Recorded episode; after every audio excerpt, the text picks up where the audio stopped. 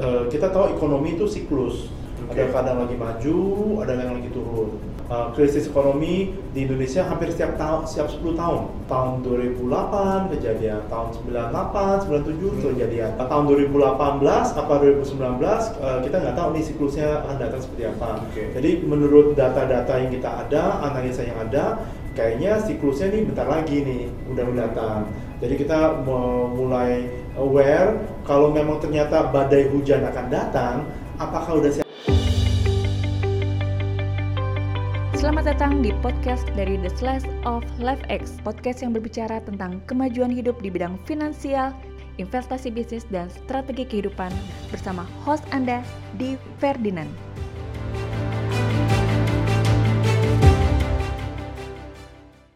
Jadi kita memang concern bahwa banyak eh, warga yang tidak update. Siapa yang mesiapkan diri dengan tepat di momentum itu? Jadi untuk yang siap dia dapat keuntungan, yang tidak siap akhirnya dapat eh, kerugian. Halo semuanya, saya Di Ferdinand. Hari ini saya bersama rekan saya, Joni Gunawan, yang merupakan CEO dari Hartana Group. John, boleh ceritain sedikit tentang Hartana Group dan kenapa banyak sekali nih seminar-seminar Hartana Group bicara tentang 2030, sepertinya itu opportunity dan juga bagaimana menghadapi krisis yang akan datang. Hmm. Ya, terima kasih kesempatannya saya berikan pada Joni. Ya, thank you, uh, Mr. Di Ferdinand. Uh, jadi kita memang concern bahwa banyak uh, warga yang tidak update, ya kan? Hmm. Soalnya nggak semuanya kan memperhatikan news yang ada, situasi kondisi ekonomi yang ada. Jadi uh, kita tahu ekonomi itu siklus. Oke. Ada kadang lagi maju, ada yang lagi turun. Ada maju, ada turun. Dan itu selalu uh, ada sebuah pola. Jadi seperti kita lihat bahwa uh, krisis ekonomi di Indonesia hampir setiap tahun, setiap 10 tahun.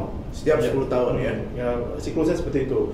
Uh, tahun 2008 kejadian, tahun 98, 97 Hmm. kejadian, tahun 87 kejadian. Jadi kita hampir 10 tahun, 11 tahun tuh akan ada sebuah siklus ekonomi maju, terus ekonomi ada krisis gitu ya. Hmm. Nah, jadi uh, tahun 2018 apa 2019 uh, kita nggak tahu nih siklusnya akan datang seperti apa. Oke. Jadi menurut data-data yang kita ada, analisa yang ada, kayaknya siklusnya nih bentar lagi nih udah Hmm. datang. Jadi kita mulai aware kalau memang ternyata badai hujan akan datang, apakah udah siap payung? Ya. Uh, persiapan dulu karena di di momen krisis, di momen resesi, di istilah Chinese itu ji, ya kan? Ada danger, ada opportunity, ya kan? Hmm. Jadi siapa yang mesiapkan diri dengan tepat di momentum itu, itu adalah momentum yang transfer of wealth, sebuah uh, pemindahan kekayaan dan sangat luar biasa. Jadi untuk yang siap dia dapat keuntungan, Hmm. yang tidak siap akhirnya dapat uh, kerugian. Oke. Uh, jadi uh, dengan kita berikan seminar, mengedukasi uh, teman-teman, klien, nasabah, ya kan sebanyak mungkin supaya bisa persiapan saat itu terjadi, mereka bisa ambil momentum dan posisi yang tepat untuk dapat uh, menambah kekayaan mereka. Oke, dari Joni sendiri ngelihatnya pemerintah sendiri dan uh, masyarakat juga pelaku finansial di market sendiri aware nggak sih tentang hal global uh, financial crisis ini? Saya percaya mereka pasti aware, Ya. ya kan? Mereka pasti aware. Dan tapi uh, perannya beda nih. Hmm. Pemerintahan pasti mau uh, masyarakatnya semuanya baik dan sejahtera. Ya. Uh, tapi aja juga uh, agak terbatasan dari pemerintahan. Soalnya banyak uh, mereka hanya regulate, mereka tidak bisa terlalu ikut campur. Ya, berarti peraturan-peraturan Ya, jadi tidak bisa terlalu ikut campur apa terjadi. Nah, para pelaku pasar sering kali mereka tahu, tapi mereka tidak terlalu terbuka atau ter- terlalu eh, ini kepada nasabah. Takut nasabahnya itu tidak tidak lanjut membeli. Hmm. Akibatnya omsetnya mereka menurun dan mereka me- berjabat itu kadang pendek 4-5 tahun Ya. untuk menjabat di posisi itu. Jadi mereka harus eh, dapat hasil sebesar-besarnya dengan waktu Investasi ya. eh, dengan ininya Oke. akibatnya mengeluarkan produk nge-push sebuah marketing marketingnya eh, ke arah yang belum tentu baik buat masyarakat. Ya, jadi contoh kita udah lihat bahwa uh, resesi ini kayaknya akan terjadi uh, dampaknya dari uh, perdagangan global antara Amerika dan Cina, Hmm. terus dagang global uh, waktu barang masuk ke Cina itu eh da- uh, dari Cina masuk ke Amerika barangnya dinaikin tarif, ya kan? eh, balesnya ah, China adalah kursnya diturunin. Oh, ya. Kan kalau kalau kenaikan tarif itu hubungan dua negara saja. Hmm. Tapi kalau kursnya Cina itu diturunin, dampaknya itu seluruh seluruh dunia, gitu, termasuk Indonesia. Dan Indonesia kena kenapa kira-kira? Nah. Apalagi dengan impactnya tadi penurunan kurs Hmm. yang dari China, Hmm. eh, juga perang dagang antara uh, polisinya Donald Trump. Nah, kita kan udah melihat nih hari ini kita eh, diskusi dan punya interview ini setelah pemilihan kabinet terbaru Hmm. Pak Jokowi ya, Hmm. yang di mana cukup menurut saya cukup menarik Hmm. posisinya kan ada banyak anak muda dan kalau dilihat apakah kabinet ini akan cukup bisa menjawab tantangan yang ada menurut Joni gimana? Oke, jadi harapannya gini, kita harapan kita berharap yang terbaik, Hmm. tapi kita harus persiapan yang terburuk. Oke. Ya, we need to hope for the best, but we need to prepare for the worst. ya. ya kan? Oke. Um, we can be optimis, tapi kita harus ada jaga-jaga, ya kan? Kita harus optimis. Kalau nggak kita ngapain usaha, gitu ya. Nah, dan kita harus persiapan peluangnya ada di mana. Ya, jadi contoh, uh, perang dagang dampaknya gimana? Tadi saya cerita, kalau hanya cuma tarif antara negara, ya dua negara tetap terdampak. Hmm. Ya, Uh, tapi kalau peru- perubahan kurs, kan Indonesia nggak cuma import dari China. Hmm. Indonesia juga bersaing sama Cina dengan beberapa produk dan juga jual lagi balik ke Cina dengan beberapa produk dan Cina sekarang beli banyak produk dari Indonesia, beli banyak uh, sumber daya alam dan macam-macam dari Indonesia. Nah, jika kursnya turun, dampaknya ke Indonesia juga otomatis akan akan terimpact ya kan. Bersaingnya dulu bersaing, sekarang lebih susah bersaing Oke. karena harga barang mereka tiba-tiba dengan kursnya turun jadi banyak jadi murah dan eh, Cina berkepentingan bahwa produksinya dia laku Oke. semakin dia laku kursnya berubah dia nggak masalah jadi itu dalam strategi menghabiskan barang ya boleh dibilang ya. Hmm. Mereka Hmm. strateginya ada produksi tetap sama dan juga tetap meng-keep demand-nya ya. Ya, harapannya seperti itu tapi ya terusan dengan peperangan dagang ini sempat mereka ter- terpengaruh lah ya kan. ya. Nah, jadi mereka untuk menjaga kepentingannya mereka mereka balas dengan perubahan kurs. Nah, dampak ini bukan hanya eh, lokal tapi global. Jadi sekarang negaranya juga terpengaruh. Nah, krisis ini selain dari perang dagang itu juga terpengaruhi oleh gagal panen climate change. Hmm. Perubahan iklim membuat gagal panen. Ya, itu di Indonesia sangat besar impact-nya. Eh, seluruh dunia, seluruh dunia. Dunia, oke. Indonesia mungkin nggak terlalu karena kita ada di di median ya, di di dekat ekuator. Contoh di negara-negara Amerika, Australia, yang mana harusnya dingin jadi panas, yang harusnya panas jadi dingin. Dinginnya yang belum pernah terjadi di dalam sejarah, panasnya belum pernah terjadi dalam sejarah. Jadi itu record breaking temperature ekstrim itu mulai muncul, yang harusnya udah mulai adem jadi panas, Ya. masih panas contoh. Kita jadi, ya, hmm, jadi eh, di kita mungkin masih ya panas-panas, adem-adem, tapi di sana ekstrimnya jauh lebih ekstrim. Akibatnya banyak eh, pertumbuhan agriculture itu tidak perbedaan suhu berapa derajat aja rata-rata itu bisa bisa gagal panen dan ternyata banyaklah yang gagal panen gitu. Contoh eh, di Amerika ada soybean kacang kedelai yang gagal panen. Dan kacang kedelai itu dampaknya banyak, bukan cuma kacang kedelai aja. Eh, turunan produknya kayak kecap, kayak Tempe ya. tempe dan lain-lain itu jadi kalau memang tidak lagi ada ti- tidak ti- tidak gagal panen nggak ada produksi pabrik-pabrik ini bagaimana? Hmm. Mereka nggak ada asupan eh, sumber alam untuk eh, supaya bisa produksi. Akibatnya apa? Ya nggak bisa produksi, omsetnya turun, PHK Hmm. banyak karyawan akan kena. Nah itu muncullah uh, resesi krisis yang jadi domino effect. Mulai dari dari agriculture kepada pabrik kepada penegara be- uh, berdagang, akhirnya dampaknya tuh jadi jadi jadi berseri gitu. Nah jadi ini mulai lihat negara-negara lain udah mulai ngalamin resesi, udah mulai umum resesi. Nah Indonesia dengan kabinet baru apakah bisa menanggulanginya? Harapannya seperti itu. Tapi kalau seluruh dunia sekarang lagi terseret, kebanyakan kemungkinan besar Indonesia mungkin bisa terseret juga. Nah, jadi itu eh, biasanya plannya seperti itu. Kalau memang satu eh, terjadi resesi, krisis itu, itu ter- tertarik semua gitu ya, tertarik semua. Jadi semua dagangnya lesu, PHK, eh, orang lebih sedikit membelanja, itu dampaknya seperti itu. Nah, jika eh, kabinet baru bisa lakukan inovasi tertentu yang bisa bantu, itu akan baik. Tapi kalau tidak akan terseret dengan seluruh dunia, kita harus siap. Oke, berarti kalau kita tidak berharap dengan kabinet atau uh, karena ini kan baru berjalan ya. Ya. uh, apa yang misalnya resesi terjadi dalam mungkin tiga bulan ke depan atau enam bulan ke depan ya. Sedangkan kabinet sendiri baru berjalan. Hmm. Nah kira-kira strategi apa sih yang uh, untuk kelas orang-orang yang bekerja, Hmm. yang punya bisnis, juga bahkan anak-anak milenial yang Hmm. sekarang ada di generasi yang cukup familiar dengan digital dan lain. Strategi apa yang mereka bisa mulai untuk bisa uh, menanggulangi ini? Ya. Gitu. Nah, mesti kita tahu bahwa krisis itu nggak selamanya. Oke, Ya Ber- kan? berarti kita punya harapan ya? Betul, Uh, selalu ada ebb and flow. Jadi ada turun, ada naiknya. Jadi menurut research, uh, krisis ekonomi rata-rata akan bertahan 9 bulan sampai 12 bulan. Oke. Ya, biasanya. Sejarahnya begitu juga. Sejarah kebanyakan krisis seperti itu begitu ya. ya. Jadi rata-rata jadi akan akan turun, nanti akan balik lagi, pulih lagi.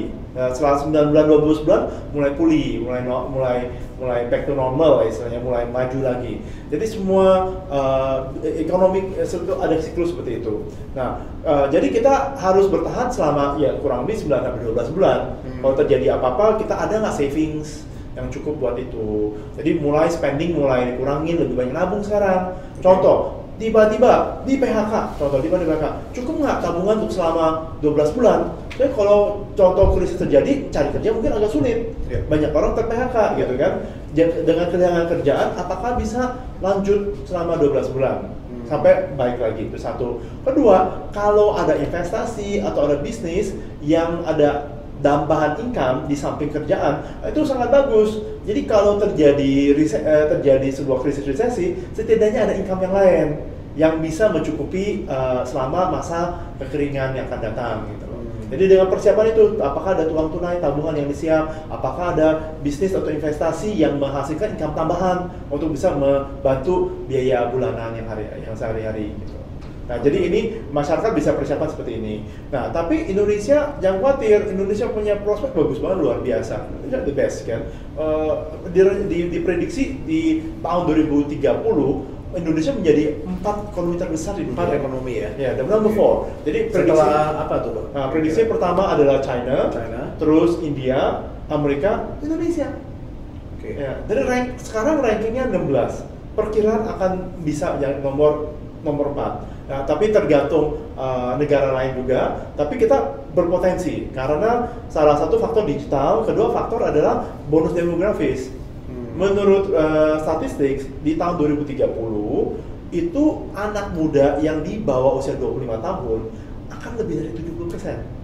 Oke, dengan perkiraan kira-kira berapa ratus juta populasi? Betul, jadi Perkiraannya mungkin 270-280 juta penduduk 70 persennya adalah di bawah 25. 25 tahun. Berarti adalah umur produktif ya, boleh Yes. bilang ya. Ya, jadi itu bonus demografis di Indonesia. Anak yang produktif, sangat IT oriented, ya kan, sangat gadget, sangat sangat uh, milenial gitu kan. Nah, itu akan membanjiri Indonesia. Nah, itu sebuah peluang kalau kita di posisi yang benar Hmm. untuk bagaimana memberi peluang buat para milenial ini dan juga bersama bisnis dan kerjasama dengan para milenial ini gitu, yang banyak ini nanti. Oke, kita sekarang lihat nih bertebaran begitu banyak eh, bisnis yang rising dan juga hilang ya. Terutama bisnis-bisnis yang memang berkenaan dengan dunia digital atau new economy. Nah, menurut Joni sendiri pandangan apa sih? Karena kita lihat juga seperti gerai kopi yang baru keluar. Begitu banyak bahkan di Jakarta itu udah mulai hampir kita nengok kiri kanan pasti nggak berapa ratus meter banyak. Kemudian kita lihat juga eh, departemen store besar yang giant hypermart atau ma- supermarket besar itu tutup Hmm. malah yang smallnya malah take over. Kenapa kira-kira bisa begini ya? Oke, jadi memang dengan trennya digital, dengan trennya internet, uh, handphone, mobile phone, uh, behavior pembelanjaan mulai berubah, Hmm. ya kan? Uh, apalagi kondisinya uh, kalau sewa tempat ada biaya lagi, karyawan biaya lagi, dengan yang online itu lebih hemat, ya kan? Jadi otomatis harganya jadi lebih bersaing, lebih murah. Jadi di Indonesia orang pasti suka barang lebih murah, Ya. ya kan? Itu yang dicari. Kan orang cari mau tuh online mau tuh di mana dia cari barang rumah contoh dulu zaman dulu retail biasa. ITC Mangga 2 atau daerah Mangga 2 terkenal barang murah banyak di sana elektronik ya, orang baju. berbondong-bondong ya kan wholesale di sana ya kan berbondong-bondong ke sana untuk supaya beli waktu macet susah parkir panas ya kan tetap mau ke sana mencari barang yang murah ya kan di mana pun ada ganti ke tanah abang juga sama oh berbondong-bondong cari ke tanah abang gitu kan jadi seperti itu nah sekarang barang murahnya adanya online Hmm. lebih lengkap, murah, dan lebih gampang nyari, ya kan? Dulu saya mau cari kabel handphone buat tipe handphone tertentu. Hmm. Muter ke semua toko belum tentu ketemu karena handphonenya eh, spesifik khusus Ya. gitu kan. Ternyata online klik klik klik aja ketemu. Ketemu. Langsung kirim, ternyata ongkos kirim lebih murah daripada ongkos parkir. Betul. Ya, kan? jadi jalan daripada saya parkir dan bensin, ongkos jalan mending saya terima di rumah. Jadi itu menjadi tren uh, e-commerce ya, Uh, orang shopping online, apa-apa yang online yang lebih baik, uh, lebih banyak populer daripada yang uh, beli secara konvensional. Gitu. So, Jadi toko-toko konvensional yang yang jahannya barang saja itu lagi terancam. Ya terancam. Karena uh, kalau di, di online udah bisa beli ya ngapain harus datang ke toko gitu kan. Nah kita lihat bahwa Indonesia biasanya uh, agak lebih pelan daripada negara tetangga kayak Singapura. Singapura apa apa datang duluan dan cepat duluan.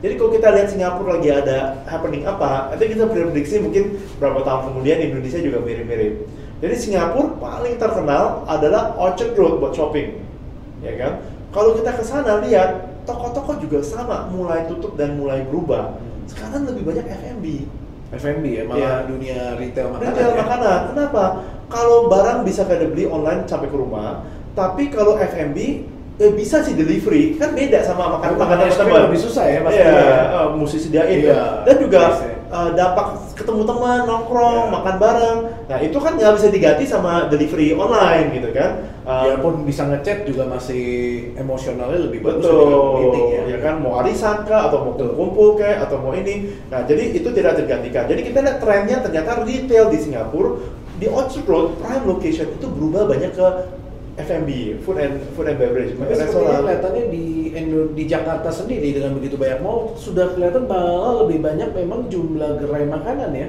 Mulai ikutan. Mulai ikutan ya. Uh, karena lihat kalau uh, online uh, shopping seperti itu menggantikan deep store, menggantikan toko-toko ya kan.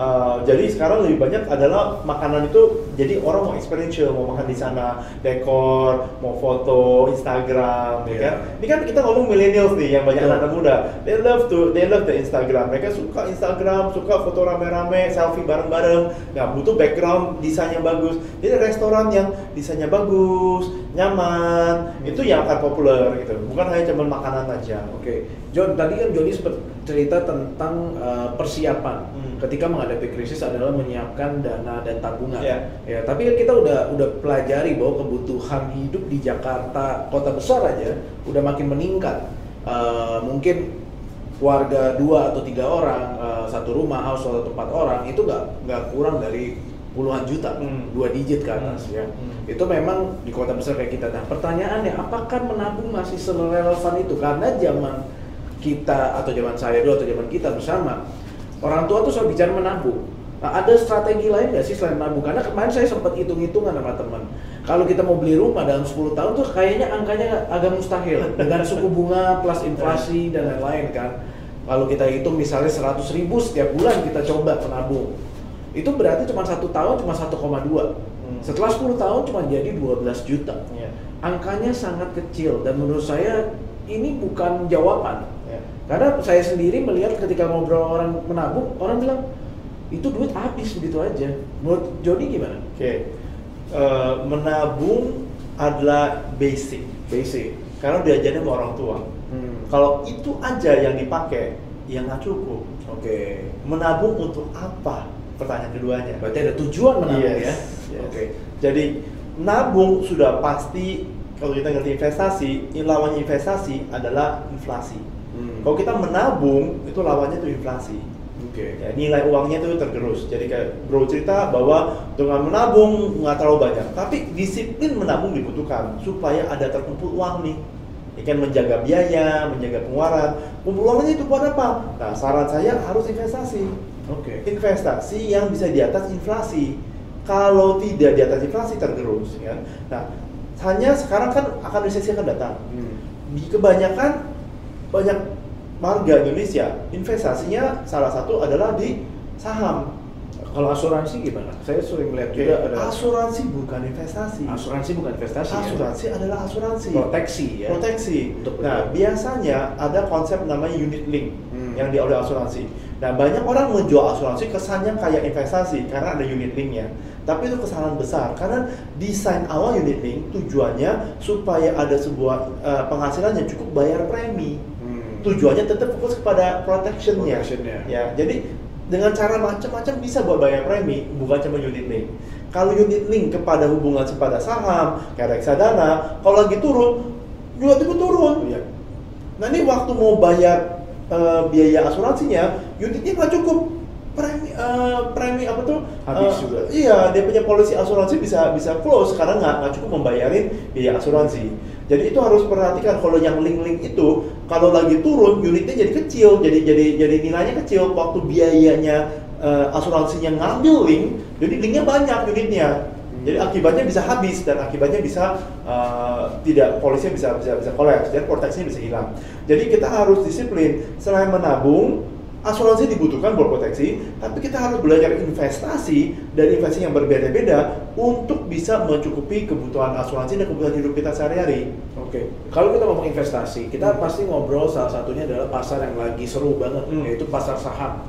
Ya. Di mana kita mendengar bahwa seorang Warren Buffett Hmm. itu menarik dana, Ya. menarik dana yang jumlahnya adalah empat kali utang Indonesia. ya, dan dan ini sangat menarik. Kenapa? Karena ternyata para pelaku sa- eh, pasar ada yang nggak percaya, menganggap bahwa eh, orang tua yang linglung. Hmm. Ya, kalau dari Joni sendiri selain saham apa sih yang cukup aman? Apakah mungkin obligasi atau seperti ORI atau SBI dan lain-lain? Um, Ori SBI akan memberikan fixed income, fixed income. income. Tapi mereka ada surat utang. Hmm. Mungkin surat utang. Jadi mereka kasih fix tapi itu surat utang. Ya, kalau surat utang itu danggara, kalau ada terjadi apa-apa, teman diperpanjang lah. Kita masih percaya sama Ya. negara nggak akan bangkrut. Tapi kalau surat utangnya perusahaan, Private company ya. iya, atau TBK even, ya kan, kalau mereka nggak bisa bayar, ya bisa aja mereka pilot atau sahamnya yang hilang juga, bisa hilang juga juga. ya. Jadi itu sebuah resiko juga, apalagi perusahaan-perusahaan kalau lagi resesi, omset menurun, ini menurun, jadi atau tergerus. Jadi kalau kita mau milih saham, masih mau pilih saham, di dalam resesi, mau itu harusnya contoh, resesi terjadi, apa sih bisnis yang maju? Mungkin orang masih butuh shampoo, masih butuh mandi, Ah, ah. mungkin itu bang, eh, bisnis itu masih jalan. Tapi terpercaya orang panik, waktu terjadi resesi butuh uang dia jual walaupun bisnisnya baik-baik aja tidak akan pengaruh resesi contoh tapi karena pada jual harga saham yang anda pegang jadi turun Hmm. jadi panic selling ya kan itu Keputusannya terlalu eh, tergesa-gesa sehingga akhirnya mereka keluar di saat yang tidak tepat harusnya ya. karena mereka belinya juga tergesa-gesa Oke. ikut-ikutan tidak berdasarkan analisa Nah, ini menarik nih kalau ngomongin ikut-ikutan kan banyak kan kalau kita lihat yang terjadi pelaku di industri adalah eh, bahkan institusi keuangan tuh selalu bicara tentang oh beli saham ini nih udah naik pas kita beli ternyata sahamnya malah nggak sebagus yang mereka bilang atau bahkan hasilnya negatif gitu Ya. kan. Nah sebenarnya pendidikan itu kita belajar gimana sih John? Kalau dulu kan kita harus baca buku dan lain-lain. Hampir-hampir saya lihat bahwa tidak belum ada pendidikan yang benar-benar fokus ke sana ya. Betul. Nah, harapan kita juga memberikan lebih banyak eh, option pilihan Oke. untuk para eh, masyarakat untuk berinvestasi. Jadi eh, banyak sekali eh, pilihan-pilihan investasi yang aman, Hmm. yang bagus, yang eh, tidak pengaruhi oleh saham naik turun, saham bursa yang sekarang naik turun, itu tetap masih bisa untung. Nah kalau P2P lending sendiri pandangannya apa? peer-to-peer lending ujung-ujungnya adalah utang Oh, Oke. ya kan udah utang jadi tergantung eh, siapa yang eh, minta utang ya kan Eh, orang kan simpan dia kan simpan di peer to lending otomatis langsung dipinjamkan nih kepada project ya kan? Jadi platform peer to lending itu tidak terlalu ngatur resiko. Hmm. ya kan? Jadi kalau terjadi sebuah resiko tanggung jawab full kepada yang investing ya. eh, yang minjam dari P2P jadi itu sebenarnya eh, kalau lihat kok lebih tinggi dari bank? Karena bank coba berusaha untuk memvalidasi resiko dia survei dulu, dia tanya dulu, ah itu kan butuh karyawan, butuh biaya, butuh apa. Nah, jadi apa yang didapat dari pinjaman eh, bunga untuk membayarin eh, bunga simpanan pasti dipotong operational cost-nya bank. Hmm. Jadi bank otomatis depositnya pasti lebih rendah dari peer-to-peer lending. Peer-to-peer lending dia nggak harus proses itu, jadi hemat sekali. Tapi resikonya balik lagi kepada uh, yang invest yang nasabah. Nah itu peer-to-peer lending. Jadi peer-to-peer lending uh, mesti sangat hati-hati karena Karena mesti tahu banget tentang produknya Iya. dan bagaimana cara mereka mengolah dan Betul. manage risk-nya ya. Nah, itu satu. Dan kebanyakan dari mereka pinjamannya tidak ada agunan. Kalau nggak bayar, terus Iya. pegangannya apa? Nggak ada pegangan. Nggak nggak ada jaminan ya. Ya ada jaminan, ya tidak ada kolateral. Kalau ada bank kan pegang kolateral. Kalau nggak bayar langsung dia jual kolateralnya. Contoh properti, ya kan dia rumah yang jadi kolateral atau ruko jadi kolateral. kayak BPKB dia nggak kolateral. Bisa nggak kolateral, tapi kalau terjadi dia nggak bayar, terus kamu nyari mobilnya atau motor di mana? Hmm. Udah ke mana gitu loh, Oke. ya kan? Oh pasang GPS, kalau dia tahu GPS dia copotin gimana? Ya. Ya kan? Kalau rumah nggak bisa kabur, Ya rumah kan ada landnya ya. Udah land udah di sana. Jadi kalau Mapten yang nggak bisa bayar, bisa diakuisisi, bisa dijual murah supaya bayarin utang yang tersisa. Oke, kalau kita bicara tentang instrumen yang cukup konservatif yaitu reksadana atau uh, money market. Sejauh ini seberapa kuatnya mereka uh, untuk membangun yang kita sebut ketahanan keuangan ya? Oke. Kalau reksadana itu uh, long term mungkin bagus ya 10 tahun, 20 tahun long term sangat bagus. Tapi masalah reksadana adalah untuk kumpulan dana masyarakat dengan peraturan tertentu untuk diinvest ditradingkan oleh fund manager. Jadi banyak peraturan-peraturan itu yang juga mengkan fund manager. Oke. Ya kan tujuannya buat long term. Jadi contoh, wah ini saham bagusnya luar biasa. Dia mau beli lebih nggak bisa, ada batasnya. Jadi harus bagi-bagi resiko, dia harus beli ke banyak produk. Hmm. Jadi itu, itu satu, ya kan. Kedua juga sama, kalau dia mau lepas juga nggak bisa lepas. Semuanya ada ada sebagian yang harus tahan, karena selalu mesti ada ini. Next adalah soal eh, peluang untuk mau di hal yang lain. Terbatas banget karena dari dari dari investasi gitu. Eh, yang Gitu dari awal dari, dari prospektusnya apa pun yang di event strateginya itu harus stay. Nah, contoh itu prospektus mulai tahun 95, Hmm. tapi sekarang udah 2019. Apakah strateginya tetap masih bagus? Masih relevan Ah, ya? Belum tentu, Belum tentu. ya kan? Tapi ya itu mau nggak mau aturan yang sudah dibuat seperti itu. Next, reksadana lama-lama kan banyak yang subscribe, Hmm.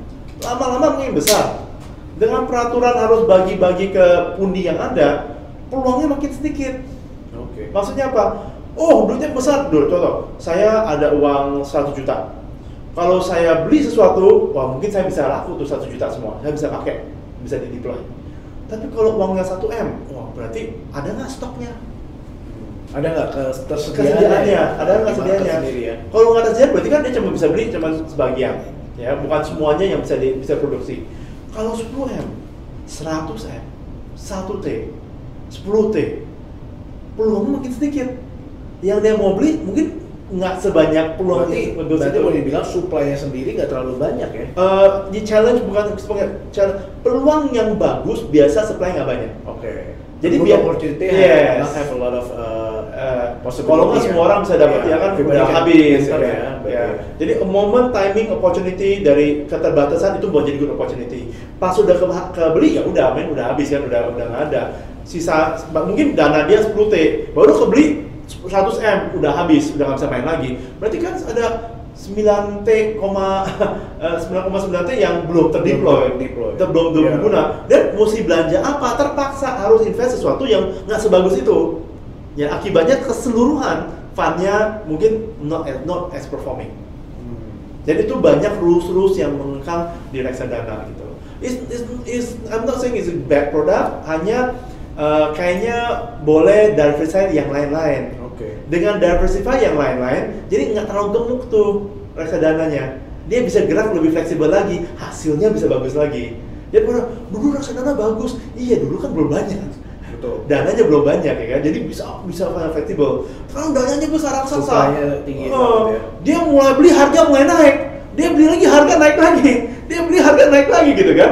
Jadi lama-lama oh ya kok udah kemahalan gitu kan? Karena dia supply demand ya kan? Ya. waktu dia mulai beli eh, supply turun demand meningkat kan? Ya. harga langsung naik langsung berubah jadi it's, it's hard to get good opportunities after kalau size terlalu besar Oke, kita balik, eh, kita ngobrol sedikit tentang yang disebut ekonomi baru. Hmm. Ya, di ekonomi baru ini kan ada model yang banyak orang bertanya, pebisnis banyak bertanya, eh, adalah kok bisa ya perusahaan masih merugi, tapi mau ada banyak orang yang memberikan pendanaan. Hmm. Nah, itu sendiri pandangannya Joni gimana sih?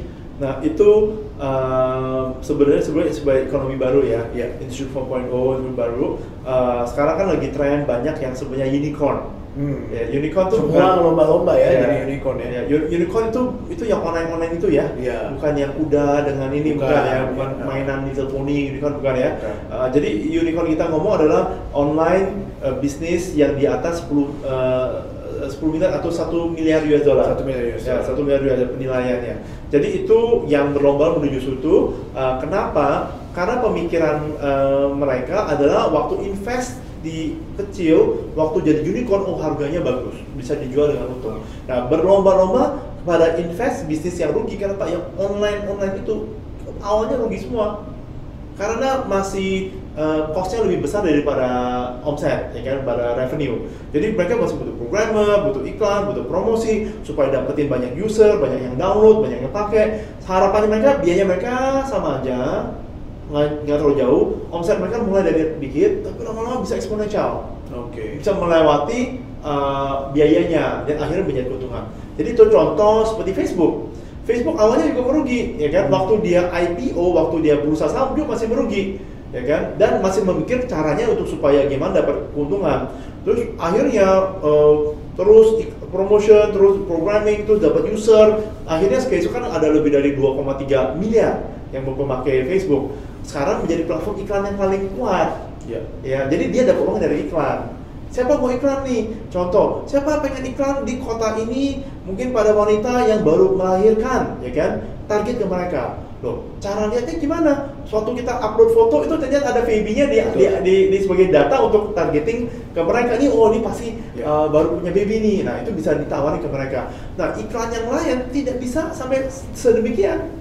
Kalau kita iklan radio, iklan magazine, iklan TV, saya mau target kepada yang punya anak lihat aja ya nggak bisa, nggak ada caranya.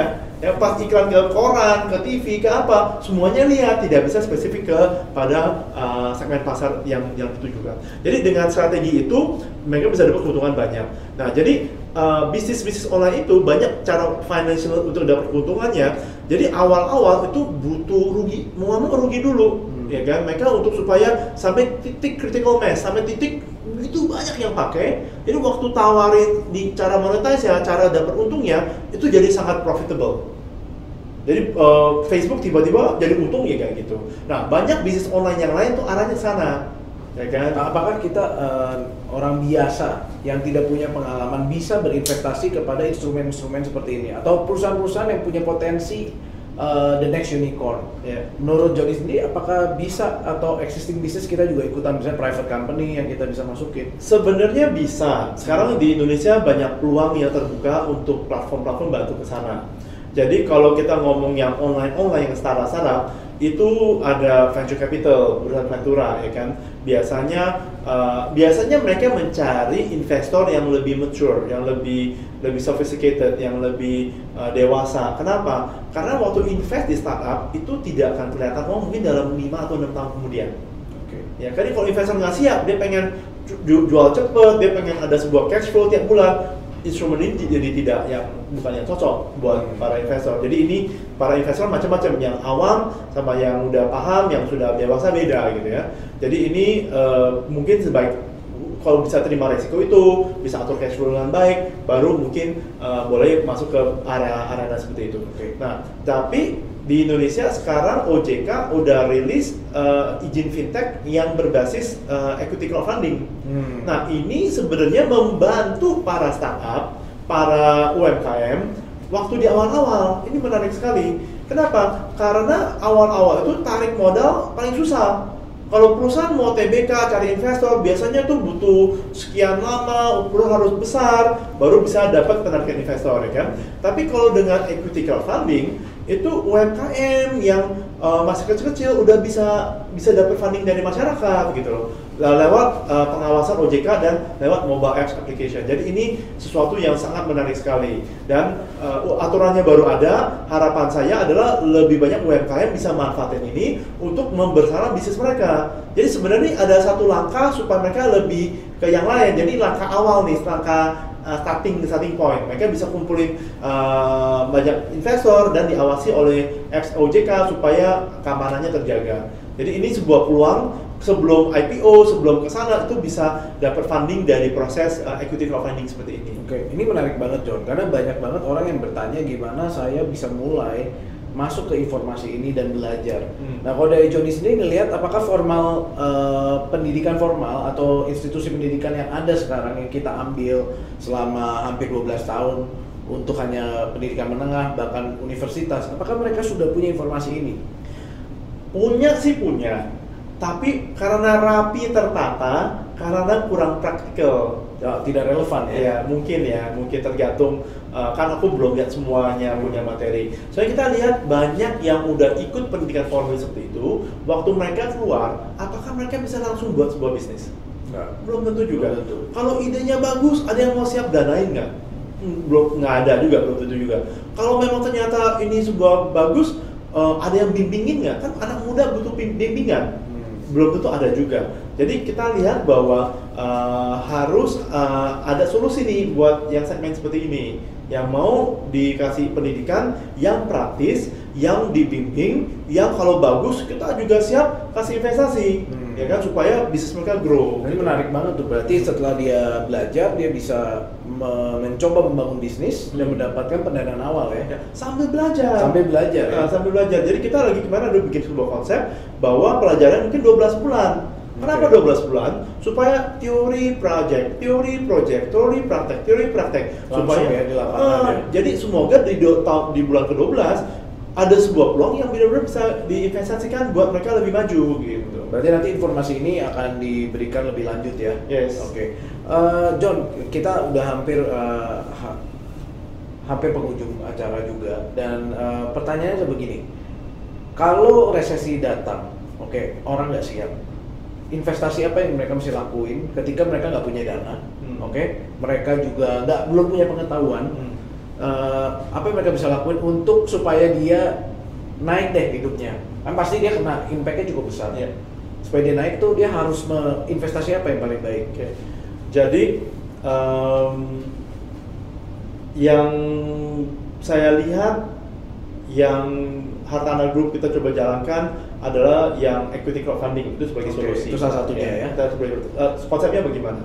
Bayangin memiliki restoran franchise makanan hanya 500 ribu perak. Ya, 500 ribu udah bisa memiliki saham. Oke. Ya, jadi berarti hampir semua orang bisa terlibat.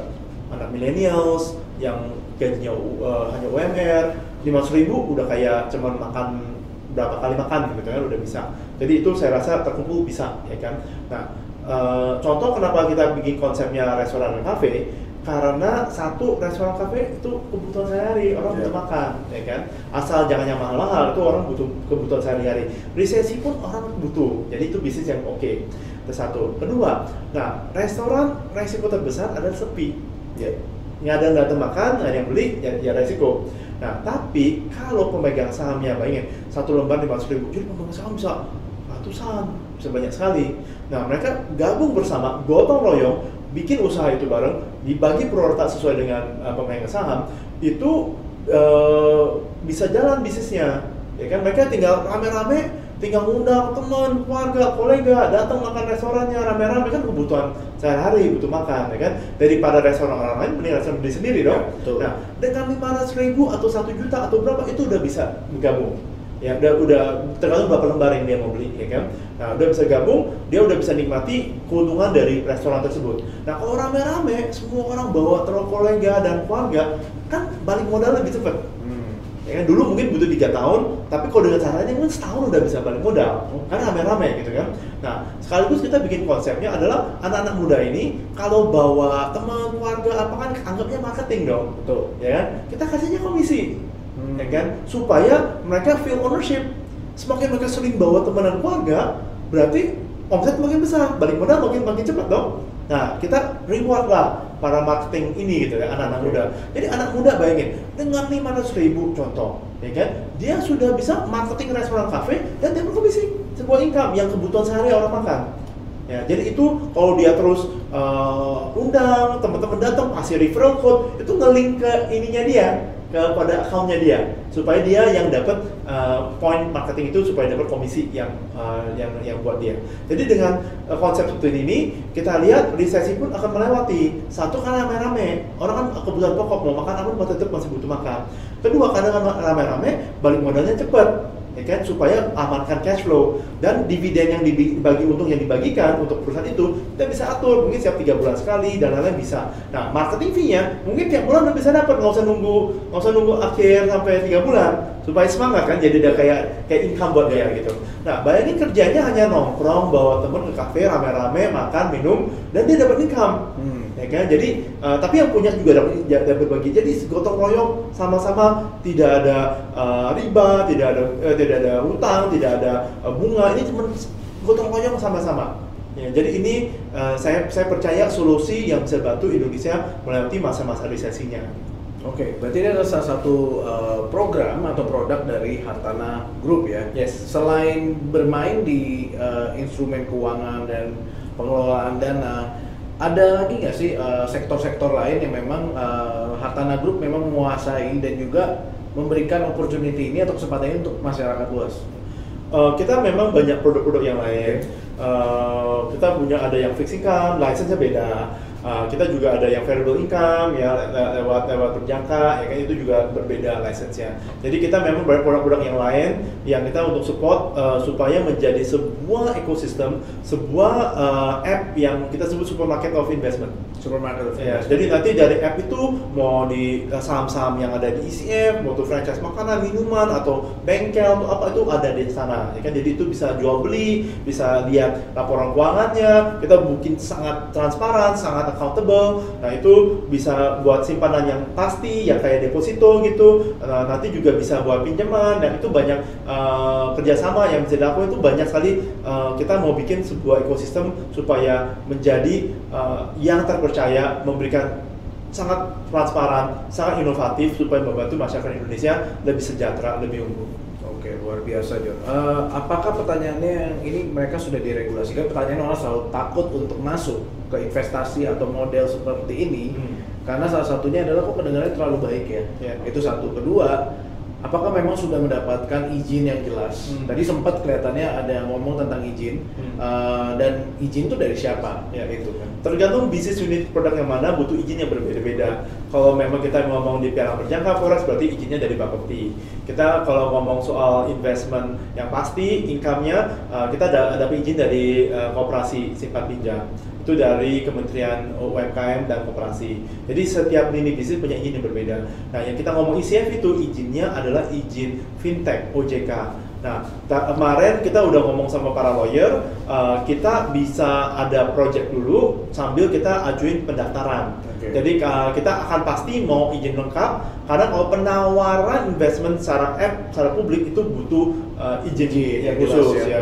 Jadi kita uh, uh, lebih penting ke aku lebih penting ke back end reportingnya So itu yang sangat penting. Berarti transparansi sangat dibutuhin yes, ya. Yes, saya itu, itu, itu kuncinya. Ya. Soalnya di di UMKM yang kita invest, kalau itu reporting nggak bagus, itu resiko besar banget, Betul. besar sekali. Jadi saya mau beresin masalah itu sambil mengajukan uh, registration kepada OJK. Jadi daripada uh, nunggu satu-satu, mendingan paralel dulu gitu. Hmm kita jalanin ini uh, supaya reportingnya lengkap. Jadi waktu kita tunjukin, ini loh cara reportingnya sebuah udah ada case study. Nah, tapi case study ini galang dananya kita nggak public, kita paling teman ke teman. Oke. Okay. Ya, siapa yang tertarik, kita kumpul, kita bikin PT saham bareng. Nah, itu nggak perlu ada OJK kan, bukan penawaran secara online. Tapi lebih ke kumpul, yuk kita beli saham dan saham namanya ada di akte. Nah, perusahaan ini, yang PT ini, yang rame-rame ini, sahamnya dia di akte, akan reportingnya lewat app ini dulu kita jalani. Jadi sekarang kita memang terbuka peluang untuk siapa yang mau mau beli uh, sahamnya perusahaan ini, yang kita sekarang buat uh, restoran makanan gitu, untuk proyek awal. Oke. Okay. Wow, luar biasa John. Uh, banyak banget ide dan inovasi. Uh, terima kasih untuk waktunya juga. Nanti kita akan banyak bicara lagi untuk segmen-segmen berikutnya. Cool. Karena kita akan banyak belajar dari Joni yang mereka beliau juga adalah seorang penasihat keuangan ya. Yes. Dulu latar belakangnya konsultan untuk perusahaan-perusahaan besar. Hmm dan juga Joni sendiri di sini kan nggak apakah sendiri atau ada partner-partner lain? Ya, saya pasti ada tim partner untuk support saya. Hmm. Jadi dari perusahaan pasti ada ada perusahaan lain, ada ada uh, partner seperti Pak Andreas uh, Nawawi, ada Pak Abraham Lembang, dan lain-lain untuk support kita berhasil. Oke, okay. thank you very much. Thank you very much, thank, thank you. you. Ikuti terus episode dari The Slash of LifeX dengan follow sosial media kami di Instagram dan YouTube LifeX Academy. Dan juga dapatkan konten-konten eksklusif tentang dunia keuangan di www.lifexacademy.com. LifeX Academy, multiplying your life meaning.